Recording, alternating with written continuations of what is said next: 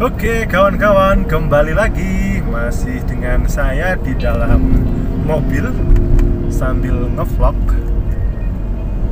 Oke sekarang uh, materi hukum tata negara uh, tentang hmm, apa tadi ya? Oh ya hubungan hukum tata negara dengan ilmu-ilmu hukum yang lain. Nah, kalau HTN dengan ilmu negara ya ilmu negara itu adalah dasar untuk mempelajari hukum tata negara. Oke dapat poinnya. Kemudian hukum tata negara dengan hukum administrasi negara. Nah di antara hukum tata negara dan hukum administrasi negara itu sama-sama mempelajari negara.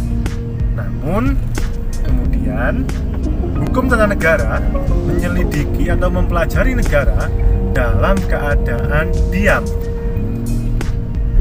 Jika hukum administrasi negara atau HAN itu dia mempelajari negara dalam keadaan bergerak.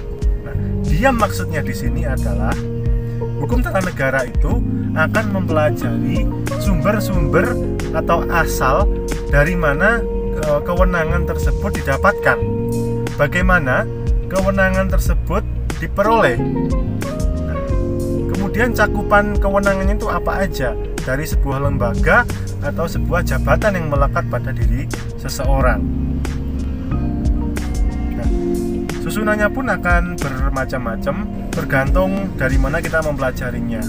Nah, biasanya kalau mempelajari uh, hukum tata negara itu base atau dasarnya kita belajar konstitusi Makanya di dalam pengertian hukum tata negara itu sangat identik sekali dengan yang namanya konstitusi. Namun perlu diperhatikan bahwa keduanya ini memiliki cakupan yang berbeda. Kalau hukum tata negara itu dia lebih luas. Kalau konstitusi itu merupakan bagian dari hukum tata negara. Nah, karena konstitusi setiap negara itu berbeda dan ya bahkan ada yang tidak punya konstitusi. Nah, seperti itu kawan-kawan.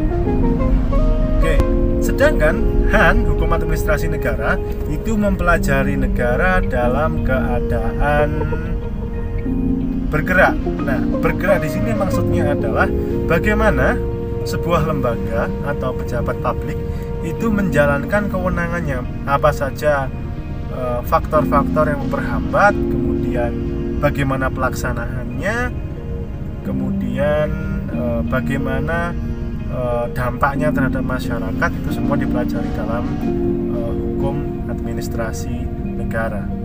Nah, biasanya kalau Han ini dia lebih banyak mempelajari keputusan. Oke? Karena keputusan itu adalah produk dari pejabat publik yang sifatnya adalah besiking nah, istilahnya besiking kalau regeling itu e, mengatur e, peraturan. Jadi sifatnya lebih umum. Kalau peraturan itu regeling sifatnya lebih umum.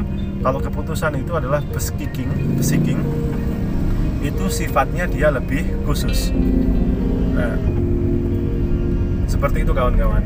Kemudian hubungan hukum tata negara dengan e, ilmu politik nah dalam hukum tata negara itu kan mempelajari suksesi atau pergantian kepemimpinan, perebutan kepemimpinan, terus kemudian apa lagi ya? Istilahnya pokoknya bagaimana memilih pemimpin lah, istilahnya seperti itu.